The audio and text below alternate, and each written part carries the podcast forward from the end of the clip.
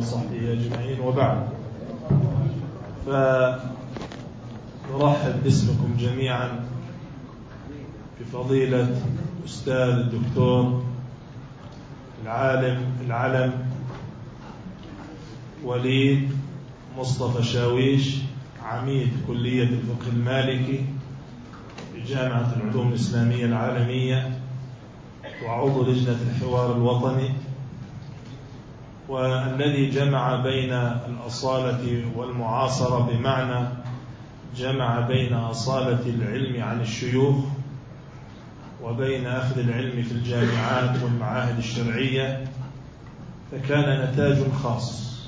وله نكهة خاصة تتميز بالعلم الرصين واللغة السليمة ويستفاد منه كما يعني أظن بل وأنا متأكد أنه ممن يستفيد منه ولذلك حرصت بل حرصت إن شئتم على أن يكون بيننا في هذا اليوم نغرف من معين علمه ونأخذ منه قواعد قد نحتاجها في كل مسيرتنا العلمية في مديرية الإفتاء. فجزاه الله خيرا على تلبية الدعوة على كثرة أشغاله. وربما لم يعني يتح له هذه الفرصة إلا بشق الأنفس ولنا كذلك. فنرجو حسن الاستماع والإفادة في موضوع خطير وهو موضوع البدعة وضوابطها ومعاييرها ومقاييسها الشرعية بحيث نأخذ صورة إن شاء الله واضحة عن هذا الموضوع. تفضل يا سيدي مشكورا وجزاك الله خيرا وفتح الله عليك.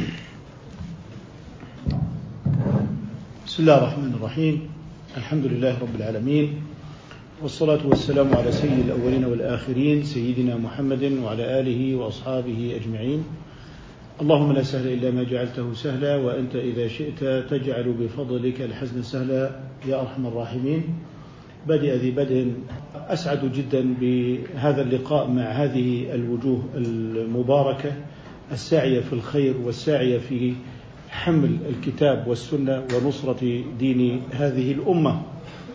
على اعتبار أن هذا الدين هو قاعدة هذه الأمة الجامع لها وأن هذا الدين هو حارس لهذه الأمة وأن حراسة الدين تعني حراسة الأمة. لا شك أننا في هذا الزمان ظهرت هناك بعض المسائل الحيوية والمهمة التي تفرض وتحتم على الباحثين مراجعة هذه المسائل. كان من ضمن تلك المسائل الخروج عن قواعد أهل السنة والجماعة في الحكم بالتكفير. فالحكم بالتكفير هو حكم شرعي حيث ظهر موجبه لابد من بيانه. أما حيث لم يظهر موجبه بل لابد أن نرجع إلى اليقين وأن الإسلام ثبت بيقين. وقد سعينا مساعي كثيرة في هذا الباب في إظهار قاعدة أهل السنة والجماعة أننا لا نكفر أحدا من أهل القبلة بذنب ما لم يستحله خصوصا ما ظهر في قضايا الغلو في التكفير في قضايا ما يعرف بالحاكمية أو الولاء والبراء دون تمحيص وتدقيق فيها. نحن هنا في باب آخر ألا وهو باب ما يتعلق بالغلو في البدعة. وإشكالات هذا الغلو ويعني كيف نتج هذا الغلو في موضوع التبديع. موضوع الغلو في التكفير حقيقة فيما يتعلق بالحاكمية أو بالولاء والبراء كان داخل بيت أهل السنة والجماعة. بمعنى لم يكن ليكفر منهم خارج هذا البيت أو الكفر المعروف إنما أصبحت كلمة الكفر والتكفير تدول تدور داخل المسجد وليست يعني خارج المسجد بمعنى أننا أصبحنا أمام حالة تفكيكية للمجتمع الإسلامي السني عبر حالة الغلو في التكفير. نحن الآن أيضا أمام حالة تسهم في تفكيك المسجد ولزوم الجماعة في المسجد وأيضا تسهم في تفكيك المجتمع نظرا لما يترتب على الغلو في التكفير وكذلك الغلو في موضوع موضوع الغلو في التبديع. فالغلو في التبديع يعني أن هناك هجران للمبتدع يعني أن المبتدع يحرف في دين الله ويزيد في دين الله ما ليس منه. هناك آثار كبيرة لهذه البدعة وعليه آه، لابد إذا ظهر موجب البدعة لابد أن يحكم بالبدعة وإذا لم يظهر موجب البدعة لا يجوز الحكم بالبدعة. ولذلك آه، آه، كان الغلو في التبديع أو الغلو في التكفير سببا من أسباب الشقاق الذي حصل داخل المسجد. في البيت السني وعلينا الآن كما وقفنا هناك ضد الغلو في التكفير خارج أصول أهل السنة والجماعة. وكان التكفير هناك يعني من باب الرأي الفردي خارجا عن إجماعاتنا وقواعدنا آه، التي لخصها أبو جعفر الطحاوي بقوله ولا نكفر أحدا من أهل القبلة بذنب ما لم يستحله فجعل الكفر عنادا وتكذيبا للشارع للشارع. الآن نحن أمام مسألة أخرى ألا وهي مسألة الغلو في موضوع التبديع. الغلو في البدعة يعني أننا آه، نصبح أمام ترسانة هائلة من البدع تطوف بالبيوت وبالطرقات وبالمساجد وهناك لوازم لهذه البدعة بمعنى أنك تنظر إلى هذا الإنسان أنه قد انحرف عن آه، الدين آه، وأن انحرافه أشد من السرقة والفواحش الأخرى. لأن انحرافه تحريف للدين.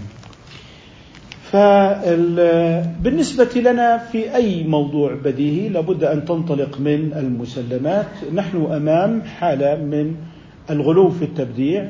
لابد أن يكون لدينا معيار ولابد أن تكون لدينا ضابط قال لك بدعة قلت ليس ببدعة. هذه دعوة وتلك دعوة. أن نحن لم نضيف لبعضنا شيئا. لذلك لابد من الانطلاق من المسلمات الفقهية لا سيما أن الاجتهاد في موضوع البدع يحتاج إلى شروط زائدة ويحتاج إلى أوصاف زائدة في المجتهد تفوق موضوع الحلال والحرام. لذلك آه، يعني آه، الجرأة في موضوع التبديع والتفسيق وما يتلوها من تحريف للدين آه، يحتاج إلى أوصاف زائدة. يلخص الإمام الشاطبي أوصاف أصحاب البدع بأنهم أتباع الظواهر. أتباع الظواهر أي يتبعون ظاهر النص. ويتفرقون فيما بينهم. ذلك لأنهم لا تقوم أحكامهم على معايير وأصول وقواعد. فكل له وجهة نظر وبالتالي آه، يتفرقون بناء على أن كل منهم يعبر عن وجهة نظره الخاصة. ووجهة نظر فردية فهذه عندي بدعة وهذه عندك ليست بدعة هذه أنت عندي كافر أنت لست عندي كافرا فتجد لهجة الفردية والنزعة الفردية واضحة في موضوعات آه، آه، ذات وزن عال كموضوعات التكفير وموضوعات آه، التبديع. الآن كلنا نعلم أن البدعة حكم شرعي. وعند الأصوليين يعرف الحكم الشرعي بأنه خطاب الله المتعلق بأفعال المكلفين وتعرفون البقية ولكن يهمني من التعريف كلمه الخطاب. آه الآن آه إذا بحثنا في ترسانة البدع التي ملأت الآفاق نجد أن الدليل عليها لم يفعله رسول الله ولو كان خيرا لسبقونا إليه. لم يثبت، لم يرد، لا يكاد يزيد على هذا. فلذلك تجد أن في الغالب للاستدلال لهذه البدع يدور حول هذه النقطة. بمعنى لم يفعله رسول الله حقيقة كلمة لم يفعله رسول الله أو حجية الترك كما يعني يذكر في بعض المباحث نحتاج إلى تفصيل في التفريق بين العدم وبين الترك المقصود شرعا الذي يعتبر من الأحكام الشرعية. إذا لم يتم التفريق بين هذا وذاك ستبقى الأمور ملتبسة. بمعنى الرسول صلى الله عليه وسلم ترك أمورا في الصلاة مثلا كرفع اليدين أثناء التشهد. يعني نقول من دواعي الإجابة أن ترفع يديك في الدعاء لكن في التشهد لو رفعت يديك يعد هذا إحداثا في الدين. تفضل. الرسول صلى الله عليه وسلم أقام صلاة العيد لكنه لم يؤذن لها. فهنا ترك فهل التروك حجة مطلقا للنبي صلى الله عليه وسلم أم أنه لابد أن يميز بين نوعين من الترك؟ الترك الذي هو آه، متعلق بالخطاب الذي هو الحكم الشرعي أم الترك الذي هو عدم. فإذا قلنا إن الرسول صلى الله عليه وسلم لم يركب الطائرة فليس هذا الترك فيه حجية. لماذا؟ لأنه عدم. متى يكون الترك حجة إذا تعلق به الخطاب؟ فإذا قال صلوا كما رأيتموني أصلي فقد تعلق الخطاب بأن تصلي كما صلى. والحالة التي تخالف صلاته نهى عنها.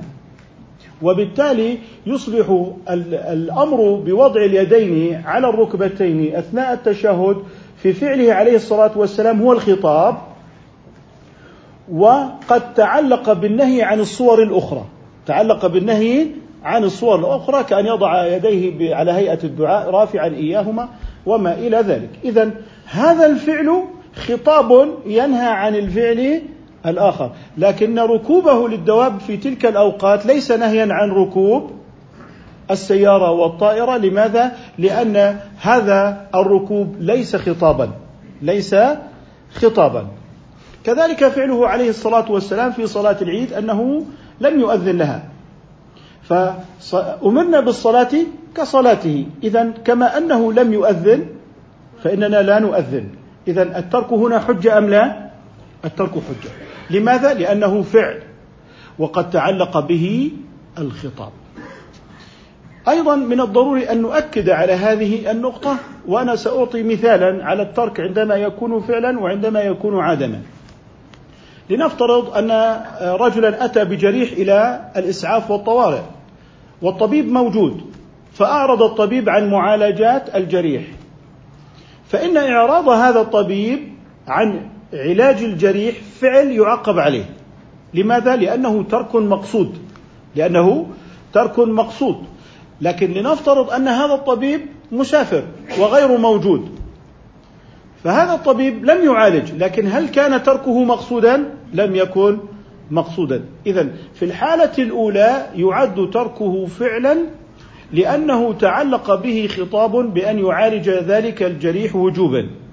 أما وهو معدوم أو نائم في بيته فإنه كذلك لم يعالج الجريح ولكننا نعتبر أن هذا الفعل الذي هو لم يعالج الجريح نعتبره عدما ولا يناط به حكم. مثلا هناك غريق في البحر وهناك من يقدر على إنقاذه فإعراض المنقذ عن إنقاذ الغريق يعد فعلا ويعاقب عليه. واضح؟ طيب ولكن لا لو أننا كنا موجودين في بيوتنا فنحن لم ننقذ هذا الغريق ولذلك تركنا للإنقاذ هذا يعد عدما. بناء عليه.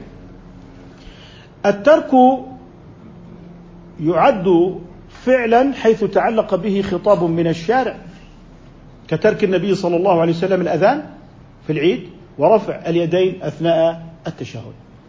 إذا هذا هو الذي يحصل به الاقتداء. أما العدم الذي لم يتعلق به خطاب فإنه لا يكون حجة. طيب الرسول صلى الله عليه وسلم ما أكل على خوان قط. إذا أين أكل؟ على الأرض. إذا الاقتداء في فعله. إذا هذه هي النقطة الأولى والمحورية في موضوع التمييز بين الترك عندما يكون عدما والترك عندما يكون فعلا. فحيث تعلق الخطاب بالترك عندئذ آه، يتقيد الحكم الشرعي بهذا الترك. قد يكون مكروها قد يكون حراما وما إلى ذلك. الآن آه، هذه الحالة التي الآن آه، تفشو لا تكاد تجد دليلا أكثر من أن يقال لم يفعله رسول الله ولو كان خيرا لسبقون إليه. فتلتبس المعرفة سيقول أحدهم ها هو رسول الله صلى الله عليه وسلم ركب وحج على الدواب وها نحن نحج بالحافلات أو بالطائرات. إذا التبس الأمر لدى الناس في تروكه عليه الصلاة والسلام. فالتبس بالترك الذي هو يعد حجة في الترك الذي هو من العدم. آه، إذا ملخص الأمر. الترك يعد حجة حيث تعلق به خطاب. صلوا كما رأيتموني أصلي.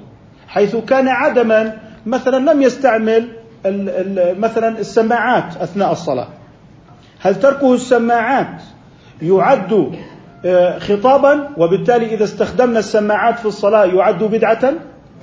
هل تركه الخط في المسجد لتسوية الصفوف يعتبر سنة فإذا خالفنا ووضعنا الخطوط يصبح بدعة؟ إذا نجد في الصلاة آه، تركين. ترك للسماعات لا يعد حجة وترك لرفع اليدين في التشهد يعد حجة نحن ميزنا بين ما تعلق به الخطاب وبين ما لم يتعلق به الخطاب. بناء عليه نقول إن وضع الخطوط في المساجد لتنظيم الصفوف ليس من البدع وممكن أنك تجد من يناقش في هذا. طب نقول له إنه لم يتعلق به خطاب. أعطني الخطاب. ترك خمس ركعات في الظهر ترك الخامسة الخطاب صلوا كما رأيتموني أصلي. طيب ترك السطر في الصلاة التسطير المسجد ليس فيه خطاب اذا لا يعد لا تدخله بدعة ولا يدخله التحريم بل هو على أصل في الوسائل والإطلاقات وأن البدعة لا تدخل في الوسائل. ما وضعنا ميلين أخضرين على عهد النبي صلى الله عليه وسلم في المسعى ولم نضع إشارة بدء الطواف. فهل تعلق بها خطاب؟ اذا كان تركه من باب العدم وليس من باب الخطاب. لكن تركه الأكل على المرتفع. ما أكل على خوان خطاب. لماذا؟ لأنه أكل على الأرض. لذلك فهم كلمة الخطاب من أهم ما يمكن أن يكون في البحث في مثل هذه الموضوعات. ما هو الخطاب؟ الخطاب هو كلام من يعقل. طيب في الدين ما هو الخطاب الذي نتكلم فيه؟ إما كتاب وإما سنة. إما كتاب وإما سنة. طيب الكتاب وما آتاكم الرسول فخذوه وما نهاكم عنه فانتهوا. طب لم يفعله أين تقع؟ هل هي مما آتانا؟ لا. هل هي مما نهانا؟ لا. إذا هذا الترك الذي هو عدم ليس داخلا فيما آتانا وليس داخلا فيما نهانا. إذا ليس من الكتاب. نأتي إلى السنة. ما هي السنة؟ ما ورد عن رسول الله صلى الله عليه وسلم من قول أو فعل ولا عدم فعل؟ فعل أو تقرير أو صفة تعلمونها. اذا هل الخطاب في الفعل أم في عدم الفعل؟ في الفعل إذا اذا لم يفعله كيف أصبح خطابا للدين؟ اذا الخطاب الذي تعلق به الشرع حسب ما ينص عليه المحدثون إما قول وإما فعل وإما تقرير. طب أين ذهبت لم يفعله رسول الله؟ ليست من كتاب وليست من سنة. طيب جئنا إلى هذه الكلمة.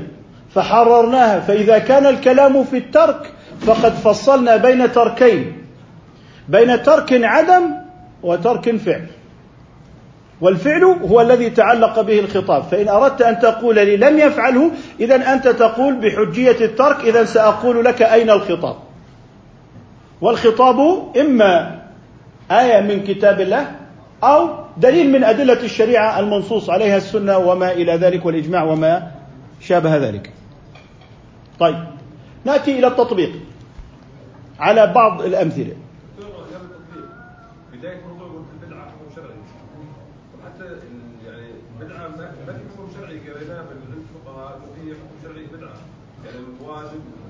حتى لو كان حكم شرعي يعني تدخل ضمن فرض أو واجب أو مباح أو أخي الكريم الصحة والبطلان ما نوعها والمانع والشرط والسبب.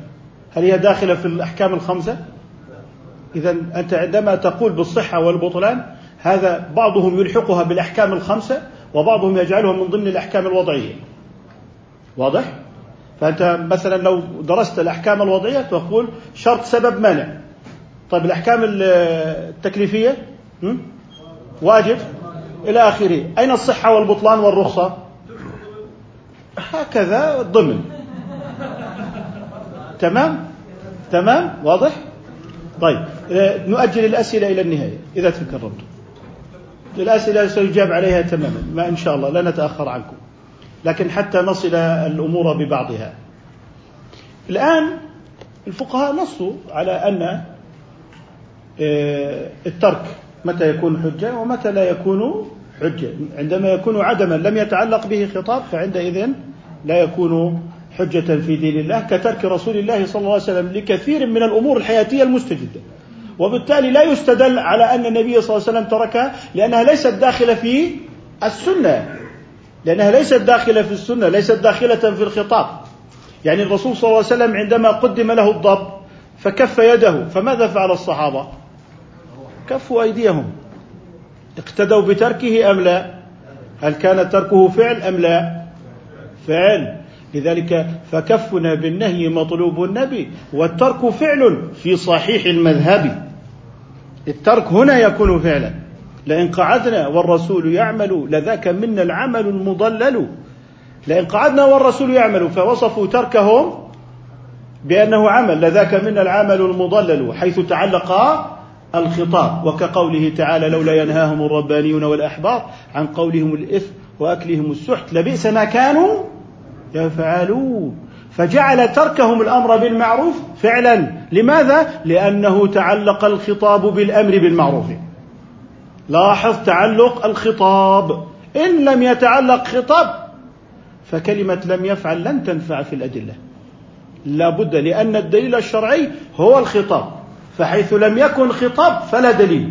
ونحن لا نعلم شيئا من الله ولا من رسوله صلى الله عليه وسلم إلا بالخطاب الذي بين أيدينا. لا أحد بينه وبين الله أي واسطة بالمرة.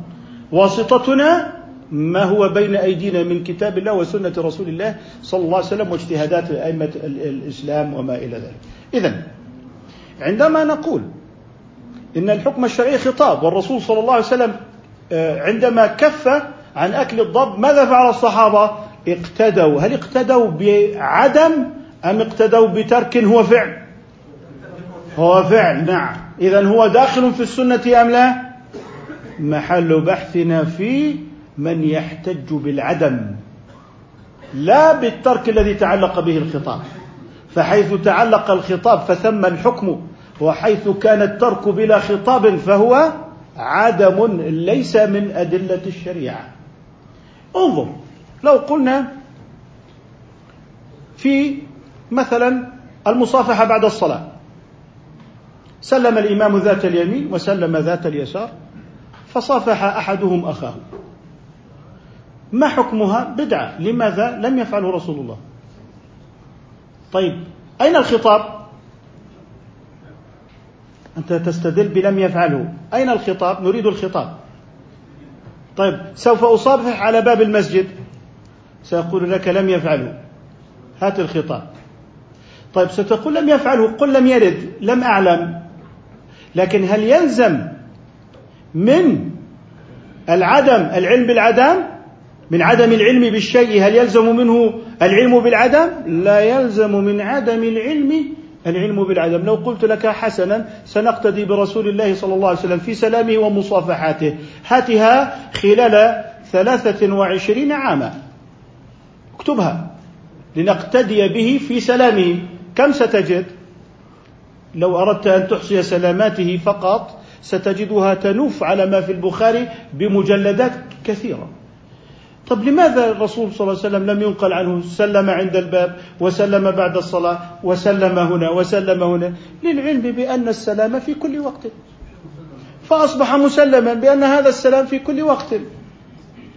بناء عليه الأمة لم تجتهد في نقل المسلمات وهذا يصرح به الإمام الشافعي في الرسالة.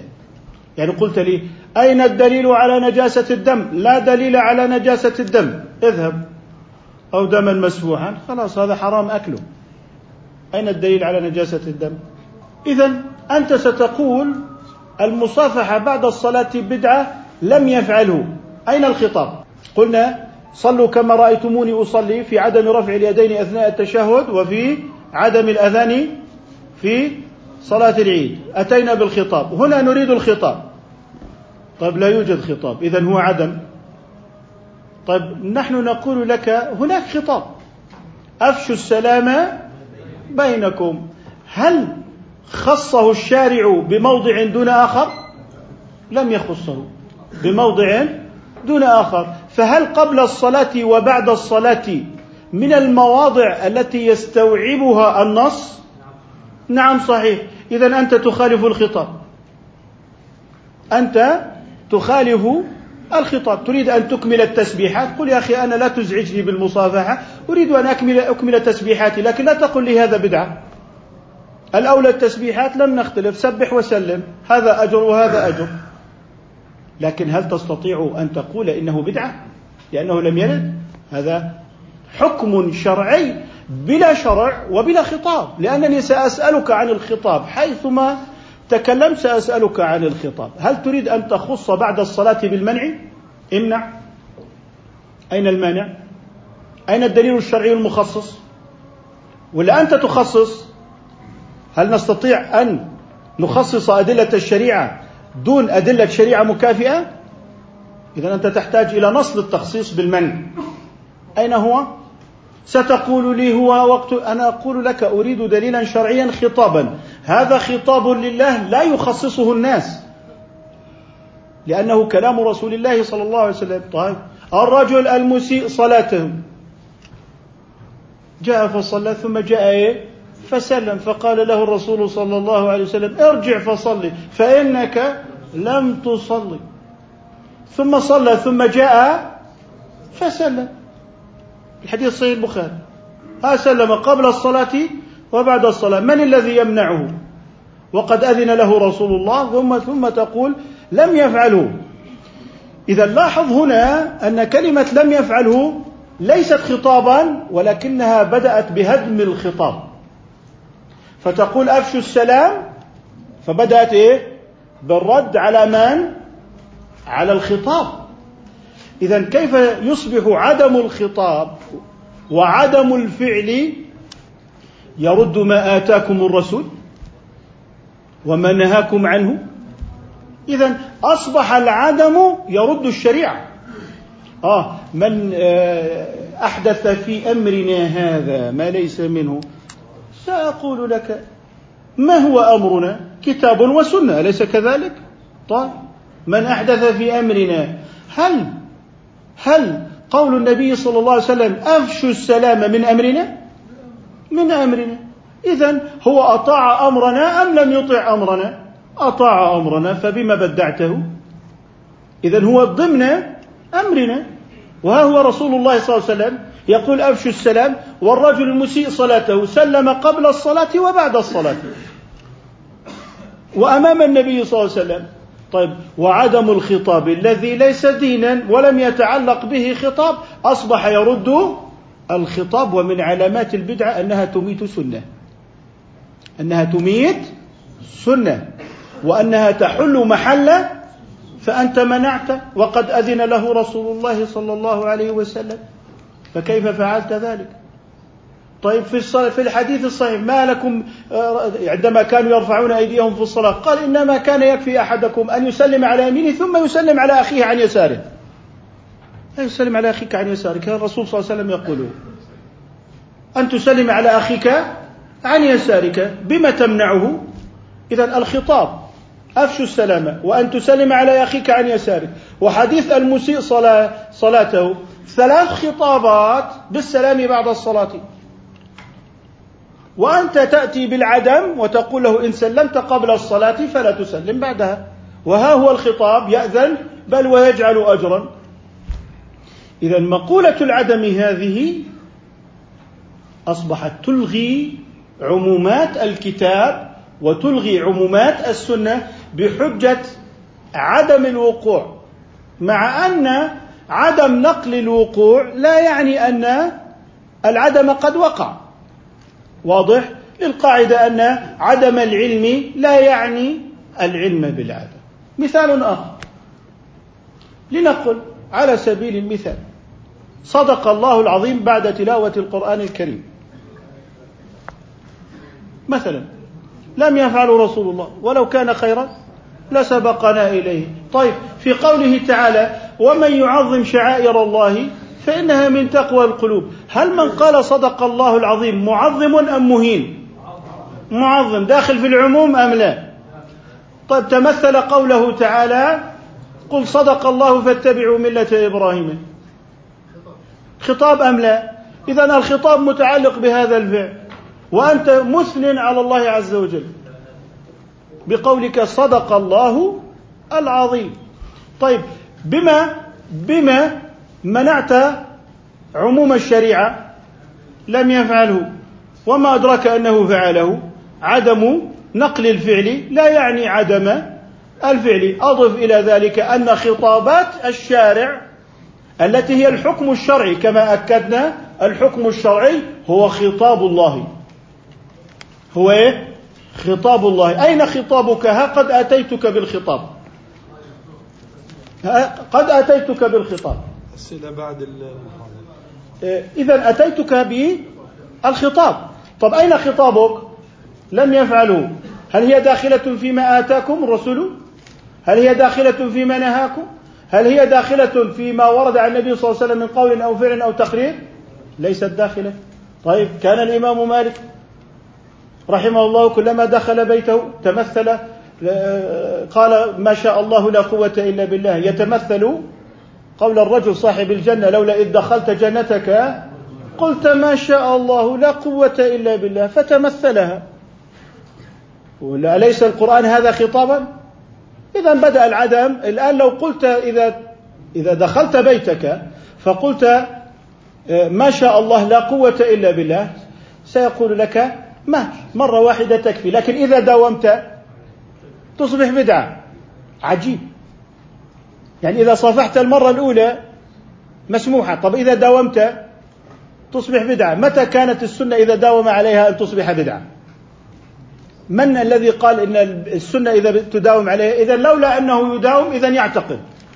أنها سنة خاصة. لا أحد يعتقد بأن المصافحة بعد الصلاة لها خصوصية بعد الصلاة. لكن لو أن أحدهم قال إن المصافحة والسلام بعد الصلاة فيها خصوصية زائدة. نقول هنا زاد على الدين أم لا؟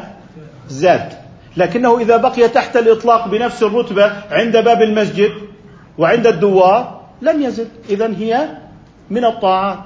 إذا الشريعة أطلقت فحيث أطلقت فإن البدعة في التقييد لأنها إضافة على الدين. طب وحيث قيدت فإن البدعة في الإطلاق. قال لك سبح ثلاثا وثلاثين لماذا تزيدها أربعة وأربعين؟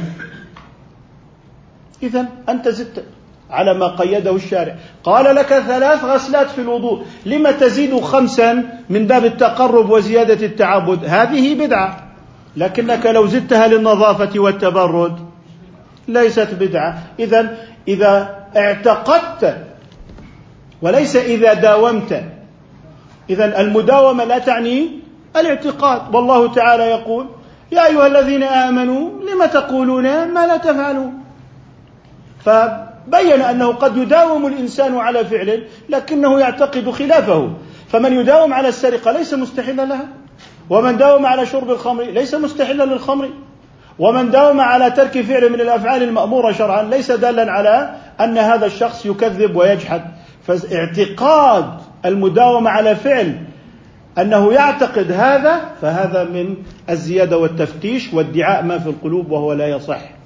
وهو إيه؟ لا يصح. إذا هذه قضية. إذا هناك إشكال في فهم حديث. من أحدث في أمرنا وعندما قال صدق الله العظيم هو من؟ أمرنا. طيب جمعة مباركة. ما هو الأصل في الدعاء؟ التقييد أم الإطلاق؟ الإطلاق. فأنت منعته. لم تمنع ما أطلقه الشارع؟ لولا أنه يعتقد. طيب كيف تقول لولا أنه يعتقد؟ طيب لماذا لا يقول سبت مبارك؟ خلاص سبت مبارك. ثم ماذا بعد ذلك؟ طب يعني إذا قلت سبت مبارك لولا أنه يعتقد. طب إذا قلت أحد مبارك إذا لولا أنه يعتقد. لماذا هذا الربط بين الفعل دائما والاعتقاد والتفتيش؟ ونحن منهيون عن التفتيش. موسم مبارك. أه؟ موسم مبارك إلى آخره. مثلا إذا البدعة حيث أطلقت الشريعة لا تدخل البدع. إذا حيث أطلقت أطلق وحيث قيدت قيد. طيب. هناك مقولة تقول إنه نحن نقول الترك حجة. إذا قام المقتضي لفعل النبي صلى الله عليه وسلم ولكنه لم يفعل ولم يكن هناك مانع من الفعل. فعندئذ مع قدرته على الفعل ولم يوجد مانع فإن الترك يكون حجة إذا قام المقتضي للفعل ولم يفعل مع القدرة على الفعل ولا يوجد مانع فعندئذ نقول إن تركه هذا إيه؟ حجة طيب إذا قام المقتضي لفعل النبي ما هو الذي يقتضي فعل نبينا صلى الله عليه وسلم؟ من الذي يحدد المقتضي منكم لرسول الله؟ من يجرؤ؟ تقول له يا رسول الله يقتضي. أليس ذلك الرجل الذي قال اعدل فإنك لم تعدل؟ قال اعدل فإنك لم تعدل. من اللي بيحدد المقتضي للنبي صلى الله عليه وسلم؟ الوحي. والوحي أي ما هو؟ الخطاب. إذا بين أيدينا خطاب. طب فإن لم يكن خطاب فلا مقتضي. واضح؟ من يحدد المقتضي؟ تعرف ما معنى مقتضي؟ من من الفعل قضى. ما معنى قضى؟ ألزم. يلا قل. يقتضي أن يفعل رسول الله. قل. من يقولها؟ من يتجرد؟ من يتجرد؟ طب كيف تقول إذا قام المقتضي؟ أليس المقتضي هو الوحي؟ أم العاديات كالطب والهندسة؟ أم العقليات وهي عند كل الناس؟ ما فرق. الرسول صلى الله عليه وسلم في العقليات كبقية الناس في العاديات في الطب كبقية الناس. بما يتميز بالوحي المقتضي له هو الوحي. أيوجد وحي ليس في كتاب الله؟ أيوجد وحي بمعنى خطاب لنا ليس في سنته؟ إذا لا أحد يستطيع أن يحدد ما يقتضي لرسول الله. طيب افترض جدلا قلنا ما يقتضي. شيء اقتضى أن يفعل اللي هو بده يكون الخطاب صح؟ أو الوحي. لكنه لم يفعل. ويقدر أن يفعل. ويقدر أن يفعل. ولم يفعل. وما اقتضى أن يفعل. ولا يوجد مانع. ما الفرق بين هذا وكتمان النبوة؟ ما الفرق بينه وبين كتمان النبوة؟ قام المقتضي لم يفعل. لم يفعل. مع القدرة ولا يوجد مانع. ولا يوجد هو قام المقتضي له. قام ما يقتضي فعله ولكنه لم يفعل. ولا يوجد مانع. شو هذا؟ هذا كتمان نبوة هذا كتمان نبوة إذا قضية التمييز بين الترك الذي هو فعل الذي تعلق به الخطاب والترك العدمي الذي ليس فيه الخطاب هذا هو أس الموضوع. حتى نميز بين التركين الترك الذي تعلق به خطاب الشارع والترك العدمي الذي لم يتعلق به خطاب الشارع. بناء عليه رجعنا إلى تعريف الحكم الشرعي هو الخطاب. هو إيه؟ الخطاب من الله سبحانه وتعالى إلينا. طيب هل البدعة تدخل في الوسائل والعادات والمصالح والاجتهاد الفقهي؟ لا تدخل. طيب الاجتهاد الفقهي أن القنوت في الصبح عند المالكية والشافعية عندهم سنة وعند المالكية مندوب. اجتهاد فقهي هل تدخله البدعة؟ تصور لو أقحمنا البدعة الاجتهاد الفقهي تفكيك الفقه الإسلامي وهدمه. لأنك تصبح أمام اجتهاد صحيح قطعا واجتهاد باطل. لأن البدعة إيه؟ حكم باطل.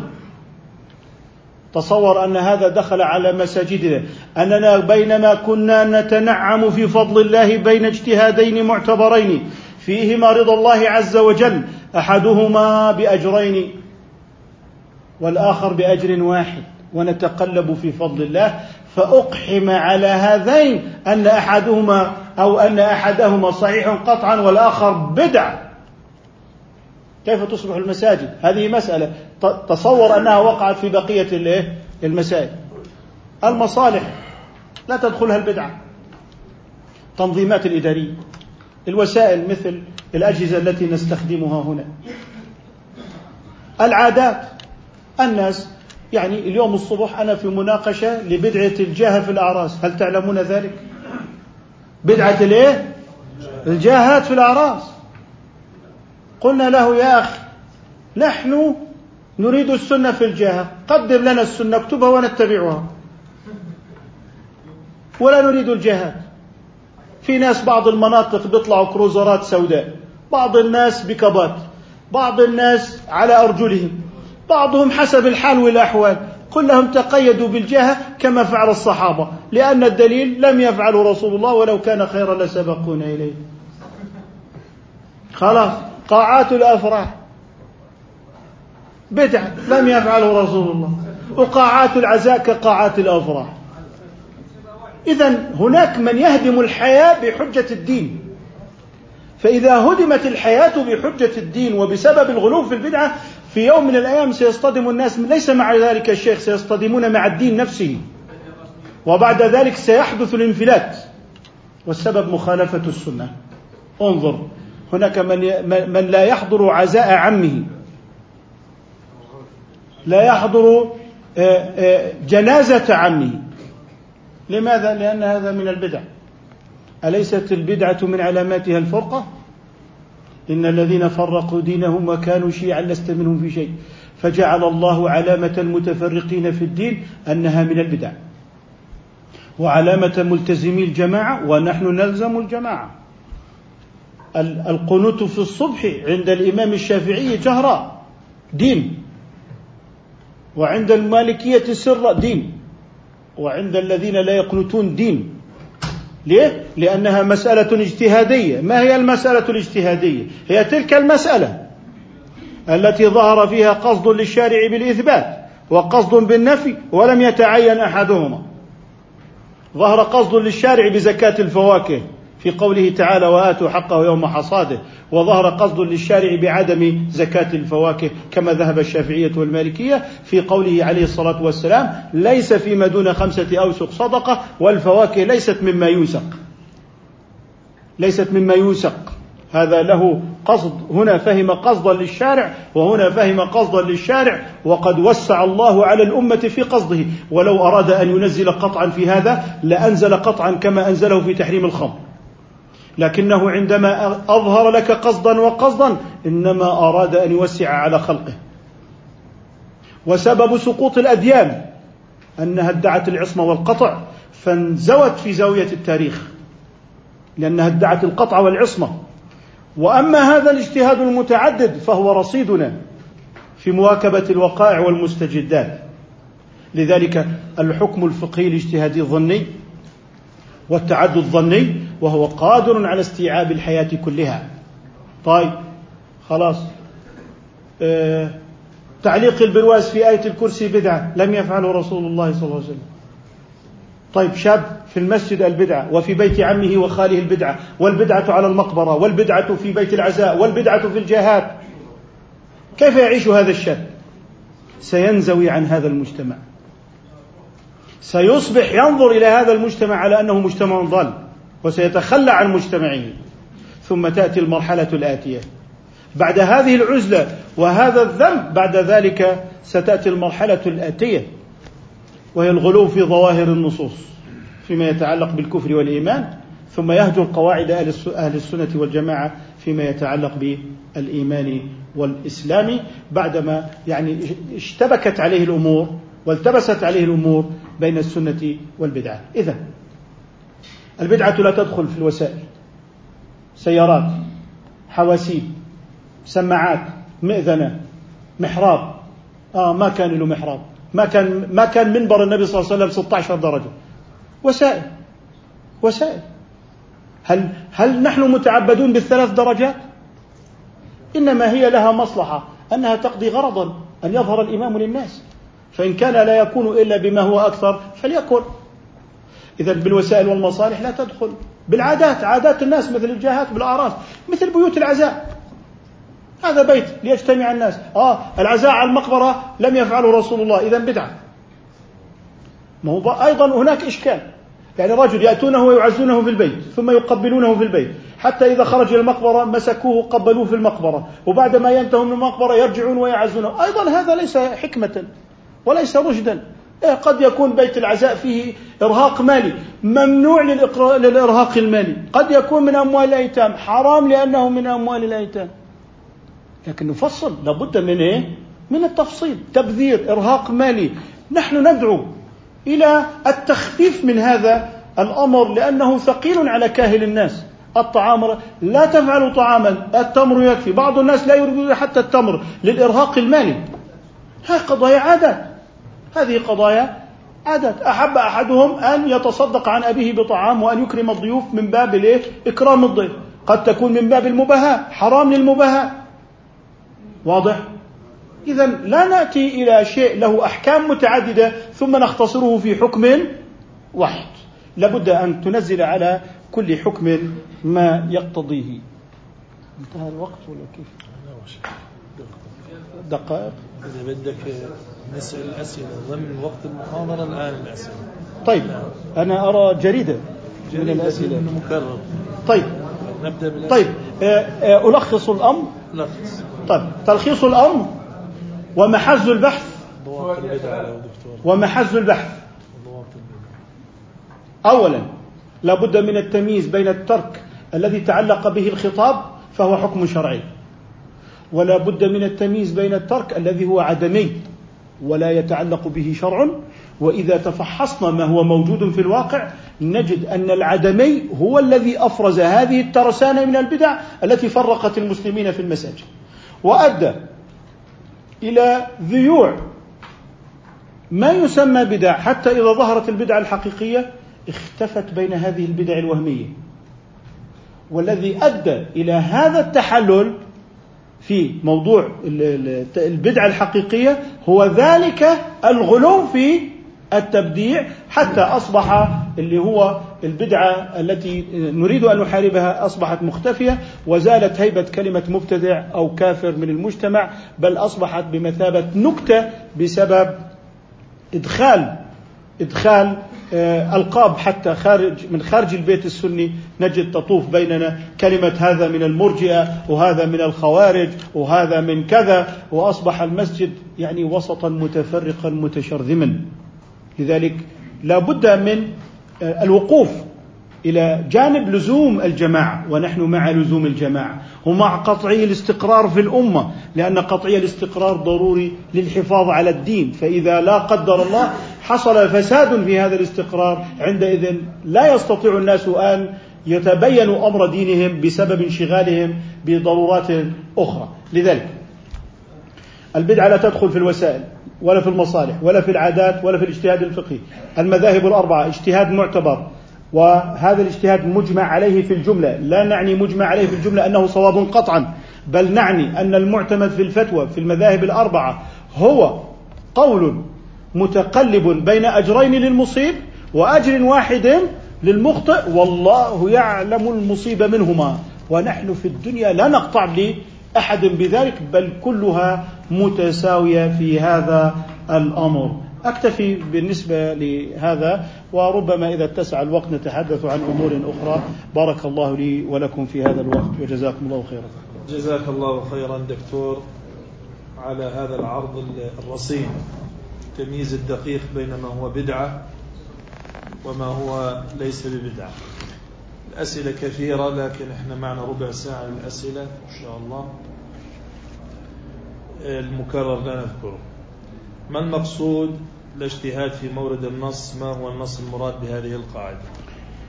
آه، عندما يقول فقهاء الاجتهاد في مورد النص بعضهم يظنه مورد النقل كتاب وسنة. عندما يقال لا اجتهاد في مورد النص فمعنى ذلك أن النقل من كتاب وسنة. إذا كان بضمن دلالة النص فلا محل الاجتهاد فيه لأن محل النص متعاين النص لا يحتمل غيره. نص إذا أفاد ما لا يحتمل وظاهر إن الغير احتمل. إذا نص إذا أفاد ما لا يحتمل. تلك عشرة كاملة. ماذا تحتمل؟ محمد رسول الله. محمد ماذا تحتمل؟ محمد ابن جراني؟ إذا محمد علم على ذات النبي صلى الله عليه وسلم. عيسى الأعلام الأعلام عبارة عن نص. لا يحتمل غيره. لا عيسى موسى لا يحتمل أن يكون مشتركا مع واحد يعيش بيننا اليوم. هذا معنى الاجتهاد في مورد النص وهذه نصوص في الغالب نادرة وهي يعني آه، قليلة إنما هو الظاهر الذي يحتمل التخصيص والتقييد والإفراد والاشتراك وما إلى ذلك. جزاك الله خيرا. هل يوجد خلاف في أصول أهل السنة؟ وكيف نفهم اختلاف الحنفي والجمهور في حجية العام مثلا؟ طيب الآن مسائل الأصول ربما لا تجاوز 1200 مسألة فهي محصورة. لكننا ما تفضل به أخونا فيما يتعلق بالعام عند الحنفية والعام عند الجمهور. العام عند الحنفية دلالته قاطعة والعام عند الجمهور دلالته ظنية بمعنى أنه آه، قابل للتخصيص هناك يذهبون إلى أنه نسخ بناء على قولهم بالقطع. نقول الآتي ما هو القدر المتفق عليه بين الفئتين؟ أن العام يستوعب كل أفراده. لكن هل هو بدرجة القطع أم بدرجة الظن؟ هذا محل الخلاف.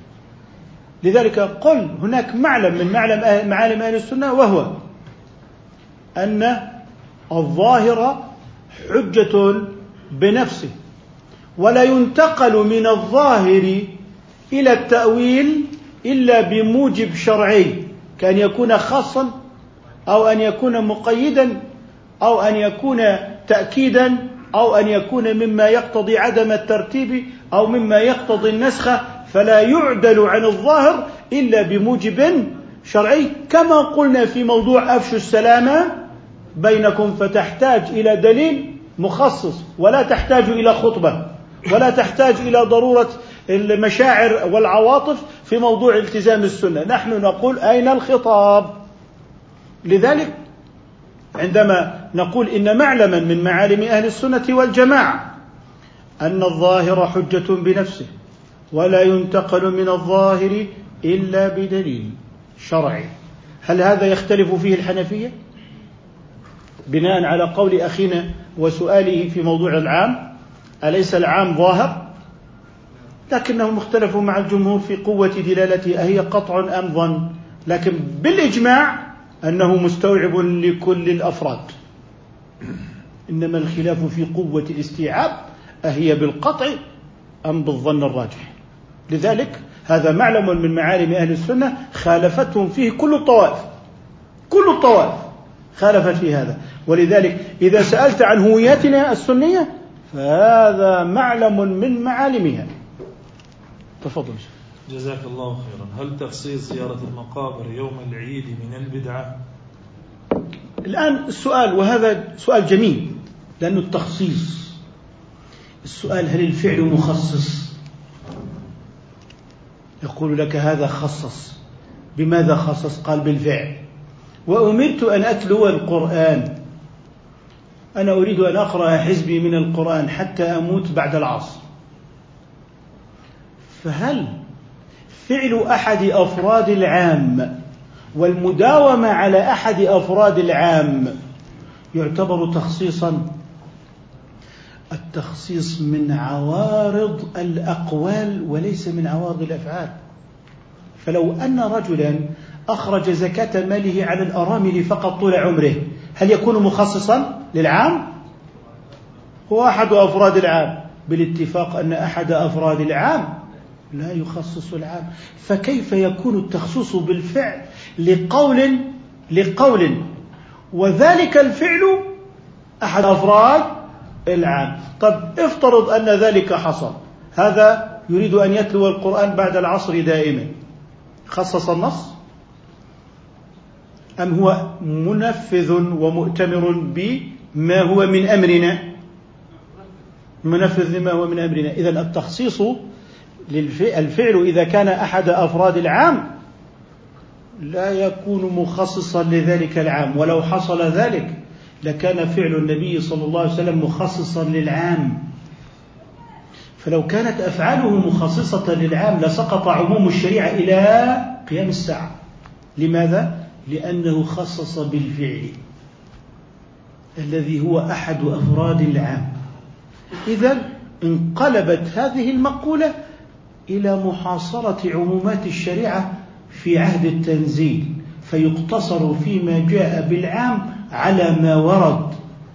وهذه تؤدي بنا إلى القول بتاريخانية النص الشرعي.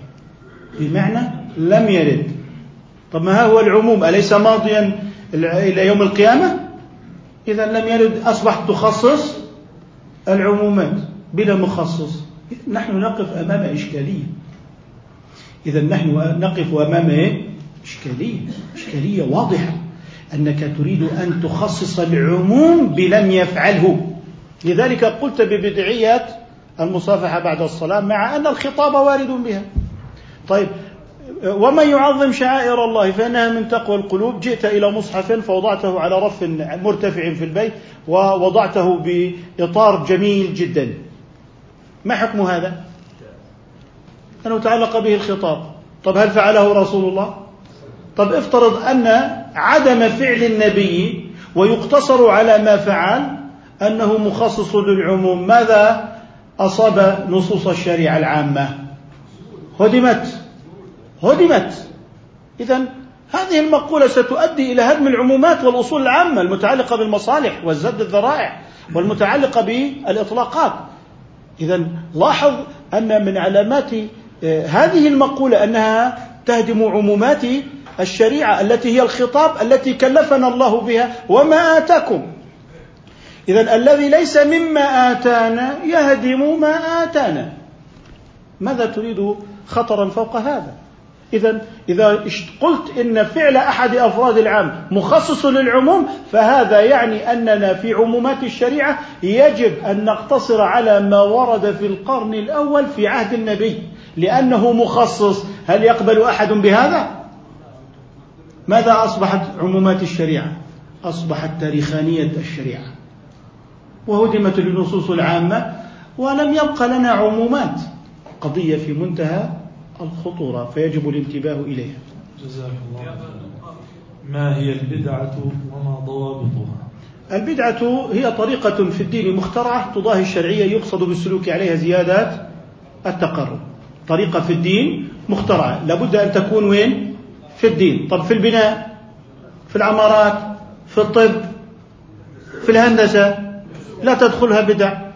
طيب إذا هي في الدين بمعنى أنها متعلقة بأمر شرعي. ليست متعلقة بأمر عاديات كالبناء والطب والهندسة والفلك وما إلى ذلك. إذا طريقة في الدين. طيب المحرمات. آه قال تضاهي الشرعية. تضاهي الشرعية. يعني لابد أن تشبه الشرع. طيب الغسلة الرابعة تشبه الشرع أم لا؟ الأذان في العيد يشبه الشرع أم لا؟ يشبه الشرع. إذا لاحظ أنها تضاهي الشرعية.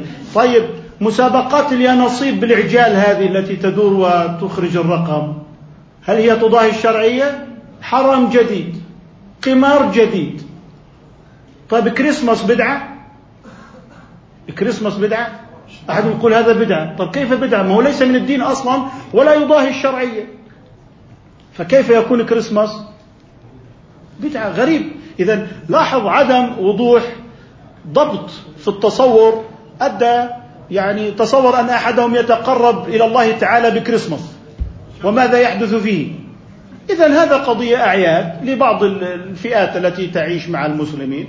وعندهم هذا النموذج. بعض المسلمين أتى بقالب كيك ولا ما إلى ذلك. هذا يريد أن يأكل ويشرب. هذا لا يتعبد. إذا قاضت قضية تشبه بثقافة بفلسفة أخرى هذا يحرم التشبه بالفلسفات. أما قضايا العاديات كالمأكولات ماذا تأكل؟ شاورما هو يأكل شاورما. هذا لا, م... لا تقع المخالفة فيه. عملية الزائدة في أمريكا زي عملية الزائدة في المدينة الطبية. ولا بدكم خالفوا المشركين هنا.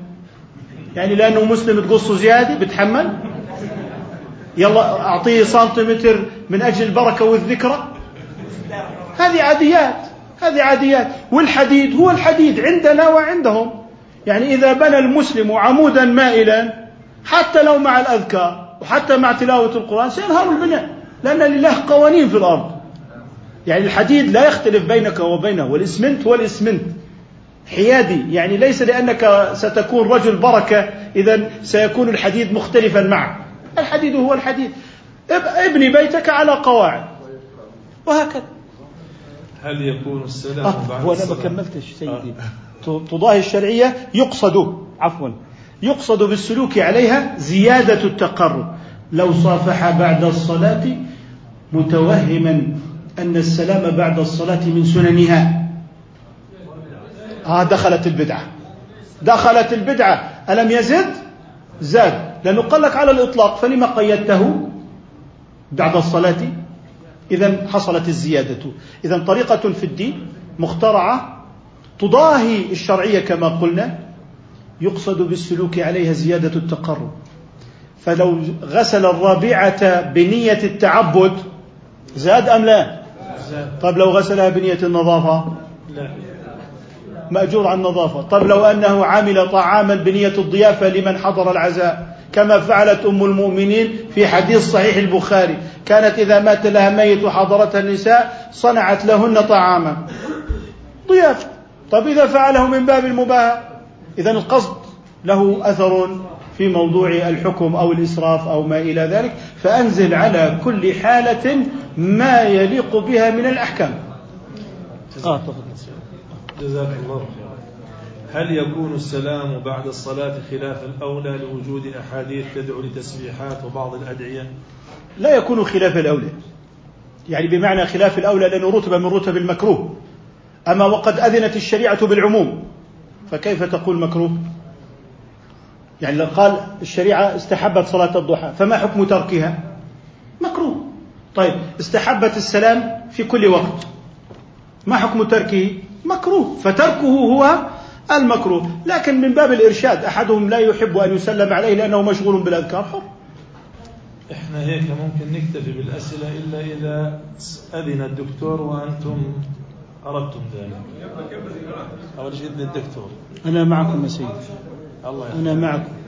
طيب حسب كلام هذا السؤال يعني أنا بذكره بحرفه يعني.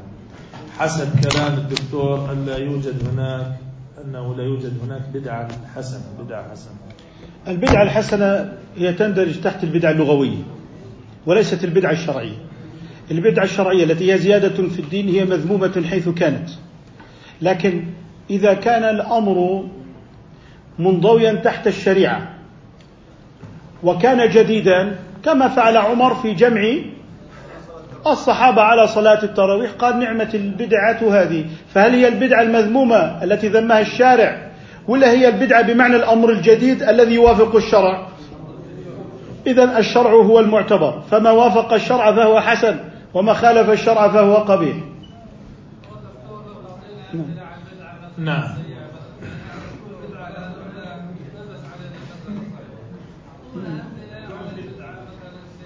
خلص البدعة المذمومة اعتقاد المصافحة بعد الصلاة أنها من مكملات الصلاة وسننها. هذا هذا اعتقاد مذموم. اعتقاد أن الرابعة عبادة وزيادة الخير خير. لا هنا زيادة الخير مش خير.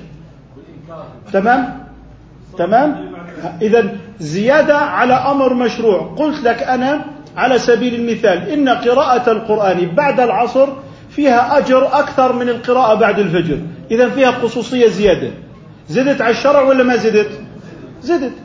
طب اتفق لك أنك أنت تقرأ القرآن بعد الفجر أو تقرأه بعد العصر. إيه. طيب. طيب. الإنكار شرطه على محرم. واحد ما حكم قول صدق الله العظيم؟ انتدبه أحدهم ورأى أنه في كل الأوقات قضية التخصيص أنا قلت عنها أنه لا يقول إلا بعد هو اعتقاد. لا يجوز الإنكار. لأنه لم يفعل حراما؟ لأن تركه ليس حراما. واحد ما ترك الضحى أو واحد ما صلى الضحى تنكر عليه؟ ال ال شوف الفرض والمحرم فيهم إنكار. المندوب والمكروه فيهم المعاتبة. يعني واحد ما أجاب المؤذن واحد ما بيصلي الضحى واحد ما بيصلي قيام الليل فيها إنكار ولا معاتبة؟ يعني لا. أها المعاتبة وفرق بين الإنكار وبين المعاتبة. فلذلك آه، آه، عليك أن تضع كل أمر في محله. طيب جزاك الله خيرا. آه، في سؤال يعني إذا بدنا نسأله ننهي فيه. في سؤالين قبله ما بعرف. تفضلوا الأمر لكم. طيب. إخواني القضايا بعتقد هاي التفريعية وكذا صارت مفهومة لأنه حط ضوابط للبدعة وخلص انتهى. يعني بدك تضل تدقق تدقق حتى تقول لا غلط. يا أخي تسلمش بعد الصلاة خلص ما حد ماسك طيب. حتى ما يشغلوا يعني عن الذكر والدعاء. هي مزبوط واحد يعني بدعي هيك وخاشع تيجي تحط إيدك هيك وتسلم. والله ما هي مقبولة. يعني بدها شوية أدب يعني. سلم أنت بس بالطريقة هاي. هاي يا سيدي اسمح لي يعني. تفضلوا. لكم ذلك. السؤال اللي أنا بتوقع أنه قد يمد لكن بدنا إحنا نضبط الوقت كمان بعد الدكتور. اللي هو آه، يسأل عن آه، مناظرات الدكتور مع التكفيريين في مراكز الإصلاح وعلى أي أساس يكون علمهم أو كان علمهم آه، السؤال جاي شوف هذا باب بل كتاب آه. هذا كتاب بل باب ولا باب بل كتاب لا آه. هذا باب بل كتاب فالله يجزيكم الخير بارك الله فيكم. أنا يا سيدي هذا؟ جاوب عليه؟ آه، طيب، بعطي ملخص. ملخص بسيط خمس آه. خلاص. هو الكلام ملخص بسيط. آه خمس دقائق. اولا آه، موضوع التكفيريين. إحنا بالنسبة لنا ما فيش عندنا مصطلح اسمه تكفيريين. إحنا عندنا مصطلح غلاف التكفير. لذلك كلمة تكفير تكفيري نسبة إلى تكفير والتكفير حكم شرعي ويجب بيانه حيث ظهر موجبه. ولا يجوز كتمانه لما يتعلق به في ولاء المسلمين ودمائهم وأموالهم وأزواجهم وما إلى ذلك.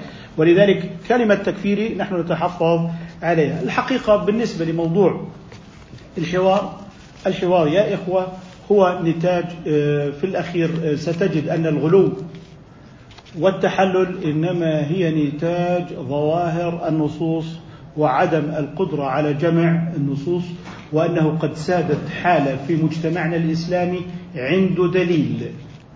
فيظن كل واحد أن عنده ظاهرا فيظن أن عنده رسول الله صلى الله عليه وسلم وهذا لا ينبغي ولا يصح. فالاجتهاد ليس فلان عنده دليل ولا علاقة لها بالدين بل الاجتهاد جمع وترجيح. تستطيع أن يكون عندك دليل وأنت ذاهب إلى بيتك فتشتري صحيح البخاري. أنت عندك أدلة. أو بلا تشتري صحيح البخاري تستطيع أن تنزله من الشابكة على هاتفك أنت أصبح لديك أدلة. هذا ليس دينا. الدين هو جمع الأدلة بين عامها وخاصها ومطلقها ومقيدها وحقيقها ومجازها. وترتيبها وعدم ترتيبها وتأسيسها وتوكيدها وعدم نسخها ونسخها وإفرادها واشتراكها واستقلالها وإضمارها. لذلك آه، هناك باب كبير هو الجمع والأصل في أقوال النبي صلى الله عليه وسلم النبوة وليست الإمامة أو الجبلة. فلذلك هذا أمر يعنى به الفقهاء والأصوليون.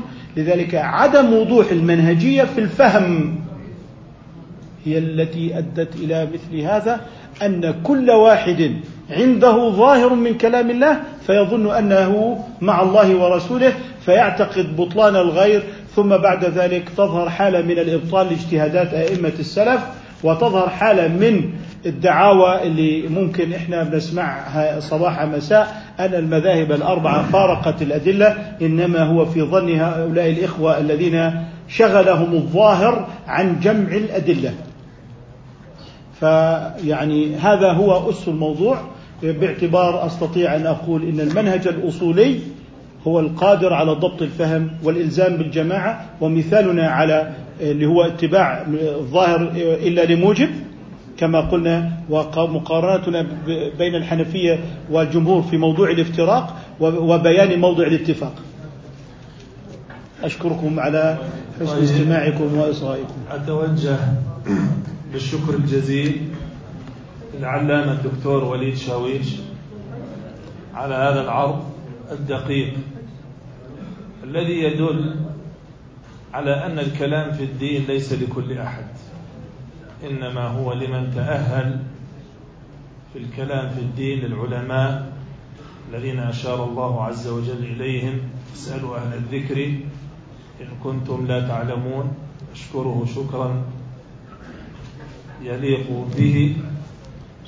آه، كونه يعني دائما يقتطع من وقته الثمين ويعطينا من علمه وهو بالمناسبة يقدر جهود مديرية الإفتاء ودائما يثني عليها ويبعث في قلوبنا الهمة للعمل في هذه المديرية دون كلل مع أن المعوقات النفسية كثيرة إلا أن الواجب علينا أن نتجاوزها لما فيها من مصلحة لبلدنا جيشنا على الخصوص وبلدنا على العموم. فجزاك الله خيرا يا سيدي على حضورك وعلى إتحافاتك وعلى علمك ونسأل الله عز وجل أن يزيدك من فضله ومن أراد الاستزادة فليرجع إلى موقع الدكتور فهو مليء بالدرر ومليء بالعلوم معك من شرح المتون إلى شرح ألفية بن مالك إلى شروح لا أعلمها ولم أستقصها لكن أعلم أن الدكتور مكثر من العلوم وأن الدكتور يستحق أن ألقبه بهذا اللقب العلامة لأنه بذل نفسه في سبيل العلم الشرعي. فجزاه الله خيرا ونسأل الله عز وجل أن ينفع على يديه وأن يكون مصباح هداية لهذا البلد وغيره. هذا وبالله التوفيق وصلى الله على سيدنا محمد. وسلم تسليما كثيرا والحمد لله